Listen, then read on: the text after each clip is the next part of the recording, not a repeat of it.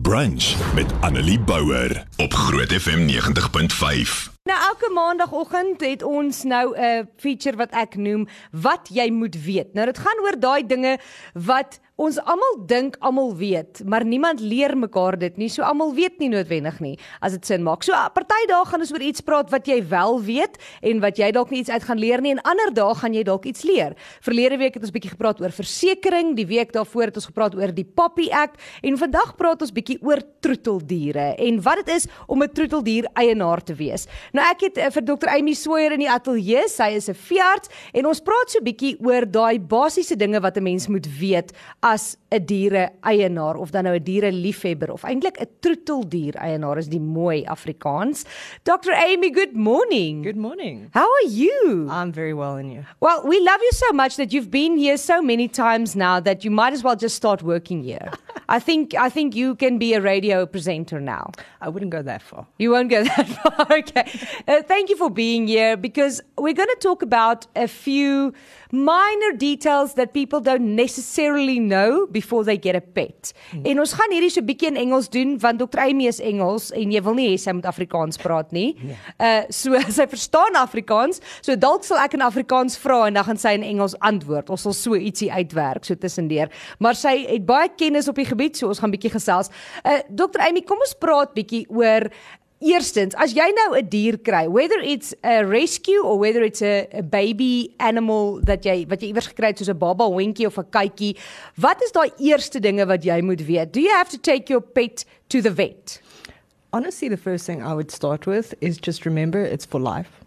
Ja, dis belangrik. I think that's a big one people forget. And yeah, once you adopt it, be it from a breeder or from a rescue, straight you should go to the vet. Just a health check, make sure it's okay and then vaccinations. Okay, so ons praat oor inentings en ons praat deesdae baie oor inentings vir COVID-19, maar ons moet ook praat oor inentings vir diere. Hoekom is dit belangrik vir jou dier om vir al daai eerste paar maande al daai inentings te kry? Well, your main vaccinations have about 5 different diseases that we protect your dogs from. Uh, the most important being cat flu, that is very rife and um, commonly seen in South Africa, Pretoria in particular. and it's deadly. But the vaccine will make it that your dog is basically 100% protected. So ek dink die ander ding waar ons moet praat, want jy sê nou katgriep is byvoorbeeld een van die goed waarteen en veral in Pretoria is dit baie baie algemeen en kom dit algemeen voor. Maar ek dink daar's 'n miskonsepsie dat katgriep kom van katte af. So dan dink baie mense as hulle honde het en hulle het nie katte nie, is hulle okay.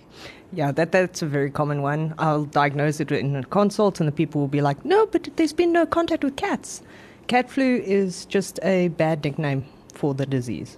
So it's not from cats. Not at all. Dit is maar net wat ons dit noem. Yes. Ek weet nie hoekom wie besluit mense noem dit katgriep nie, maar dit is nou maar hoe dit is. And it's deadly and it is baie gevaarlik vir jou honde, so jy moet seker maak dat jy hulle teen dit beskerm. Okay. Nou as jy nou jou hond het of hy nou groot of klein is en jy het hom nou aangeneem, dit is nou jou buddy for life, wel, hulle lewe meeste van die tyd. Ehm um, dan het jy nou hierdie dier. Hoe weet 'n mens hoeveel kos moet jy vir jou diere gee? Watter tipe kos moet jy vir jou diere gee? Want ek weet nie of mense altyd seker is nie. Ek weet as ek ek het baie honde en ek het verskillende groottes honde en niemand het ooit vir my gesê noodwendig hoeveel kos ek hulle moet gee nie. Ek gee hulle maar een keer 'n dag of twee keer 'n dag kos en ek kyk maar hoe gaan 'n mens aan. Jy leer maar so. Yeah, so to break it down in the most simple terms is we don't eat once a day. So how can we expect our dogs to eat once a day? So two meals definitely the way to go. If it's a younger dog, three meals a day would be best. And then it comes down to what brand you're feeding them. So on each packet, it will actually tell you a weight of your animal and also the growth stage. So if it's a puppy, it's going to need more because they're growing. But if it's an adult dog, then it's a more stabilized maintenance diet and it explains it on the packet clearly for you. So kyk dit mooi op die pak. Hulle sê vir jou hoeveel jou hond weeg en hoe oud jou hond is, dan weet jy wat moet jy vir hulle gee of dan nou vir jou kat of watter dier jy ook al het. En ek dink ons moet ook bietjie praat oor ander tipe troeteldiere want deesdae is dit algemeen vir mense om 'n uh, snaakse dier te wil kry so in Engels sê mense exotic animal hmm. te wil kry. Goedjies soos krimpvarkies, ek weet bearded dragons is nogal iets waarvoor mense baie lief is. Hasies, uh, wat is die ander ding wat ek nou nog altyd 'n chinchilla en die probleem is baie van hierdie diere eindig by my my op want mense dink hulle is baie oulik hmm. en dan weet hulle byvoorbeeld nie 'n chinchilla of 'n krimpvarkie is eintlik 'n aandier nie, so dan raak hulle verveeld met hulle of hulle weet nie dat dit eintlik nie so cuddly dier noodwendig is soos 'n hond of 'n kat nie en dan um, wil hulle die diere nie meer hê nie. So wat moet 'n mens weet voor jy so dier kry? Check your province first. because a lot of these exotic animals actually require licenses in this country. What? Yes. hmm, jy sien ek het dit nie geweet nie. Yes. So you learned something today. Um, and then going further, every exotic is not just a mini cat or a mini dog or something like that. Each different species has got different requirements. So a mouse can't be treated like a rat, even though they look like they're the same. En ek dink die probleem is ook nie alle veeartse kan noodwendig mm. na hierdie diere kyk nie. En dit weet mense ook nie. Mm. Ek kan nie hulle hulle probeer waar hulle kan want hulle kom nou agter hier kom jy nou met 'n siek dier aan en nou wat nou? Maar nie alle veeartse is noodwendig gekwalifiseer of het die hulle het dalk gekwalifiseer dit maar hulle het nie noodwendig die know-how omdat hulle nie so gereeld daarmee werk om na hierdie diere te kyk nie. So jy moet seker maak jy het ook 'n veearts mm. wat gaan weet wat om te doen sou hierdie dier siek word of iets oorkom. Definitely. In South Africa, we have the vets that um, are general practitioners and are willing to try. But um, we actually do have a few exotics only vets. In particular, we have about three in Pretoria. So just do a little bit of research if you're going to get one of those little critters. Ja, want ek dink mense vinnig by uh, dierewinkel in en jy sien hierdie oulike dier en jy wil hom so graag hê, maar jy weet nie noodwendig hoe om hom om te sien nie of jy weet hoe om hom om te sien maar as hy siek is, is mm. daar nie noodwendig iemand wat jy ken wat jou kan help met daardie dier nie. Mm. Ehm um, sulke tipe goeters. Hoekom sou jy sê is dit nodig om 'n kat of 'n hond of 'n troeteldier te laat regmaak? Wow. That's a big question. moet 'n mens jou hond of jou kat laat regmaak? Moet jy nie? Wanneer moet jy? Yes. No, definitely if you look at it from just the financial side of it, you don't need puppies and kittens running around. I mean that that's just number 1, but from a medical point of view it's very important. For the female dogs, they have two main problems, the one being mammary cancer. If you fix her before she has her first heat, you take away the chances of her getting it by like 99%. Oh wow. Yeah, and it's the most prominent cancer in female dogs. En ek dink baie mense dink die hond moet eers op hitte gaan mm. voor jy hulle kan dit regmaak. Yeah, they they definitely do have that belief. We're not sure why, but it exists. But if you do it before the first heat, like I said, 99%, second heat, 75%, thereafter only 50%. So sooner is better. And yeah, there's other medical problems that go through. Often in this country, we seem to think only the females need to be fixed.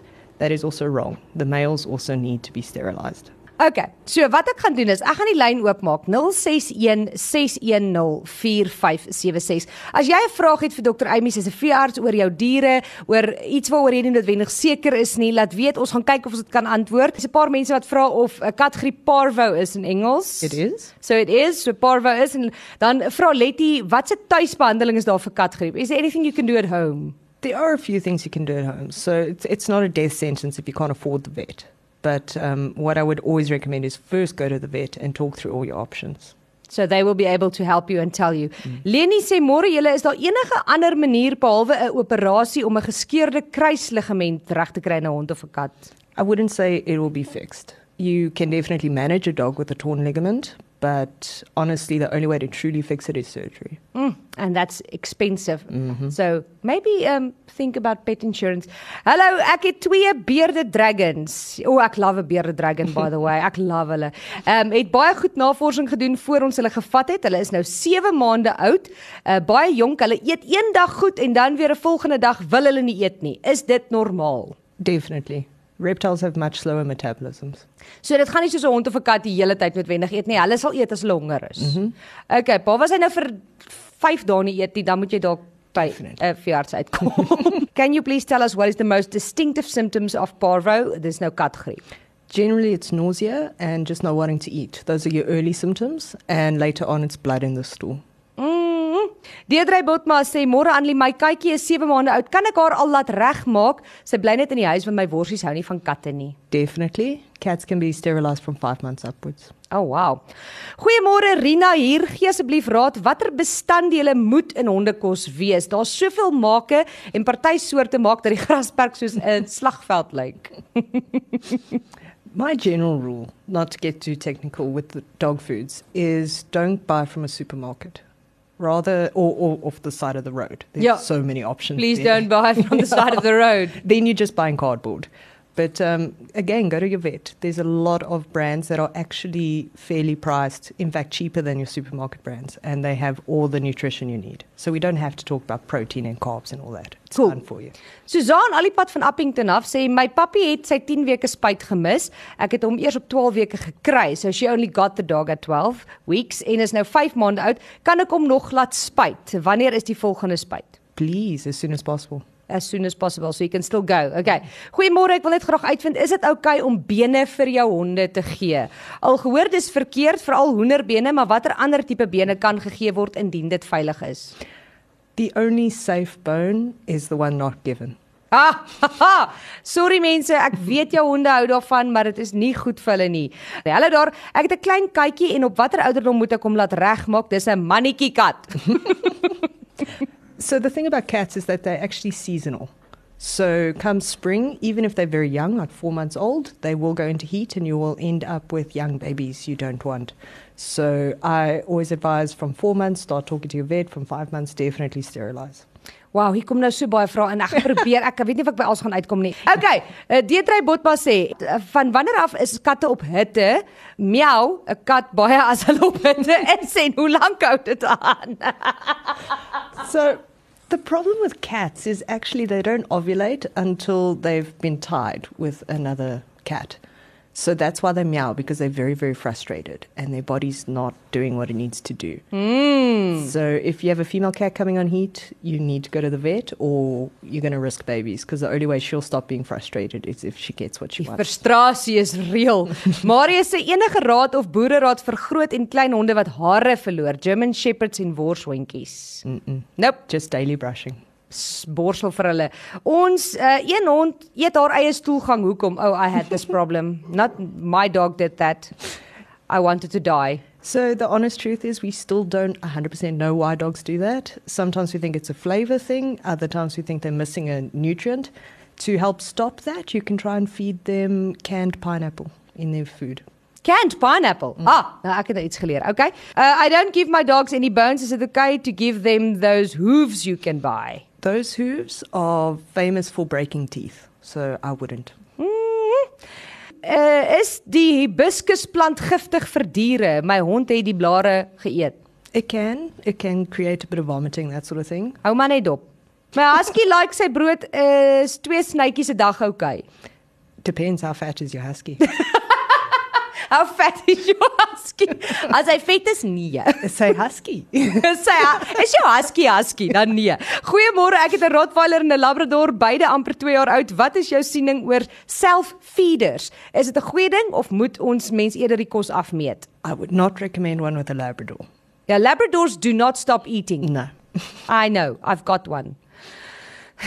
Hy sal my huis ook opeet as hy kan. Amy, ons gaan nou hier stop. Hier's te veel vrae. Baie dankie vir al die vrae wat ingekom het. Thank you very much for all your help. I appreciate it. I think the the main thing is make sure that you take your dog to the vet or your pet to the vet if you don't know. Annelie Bouwer. Weekoggend tussen 9 en 12 op Groot FM 90.5.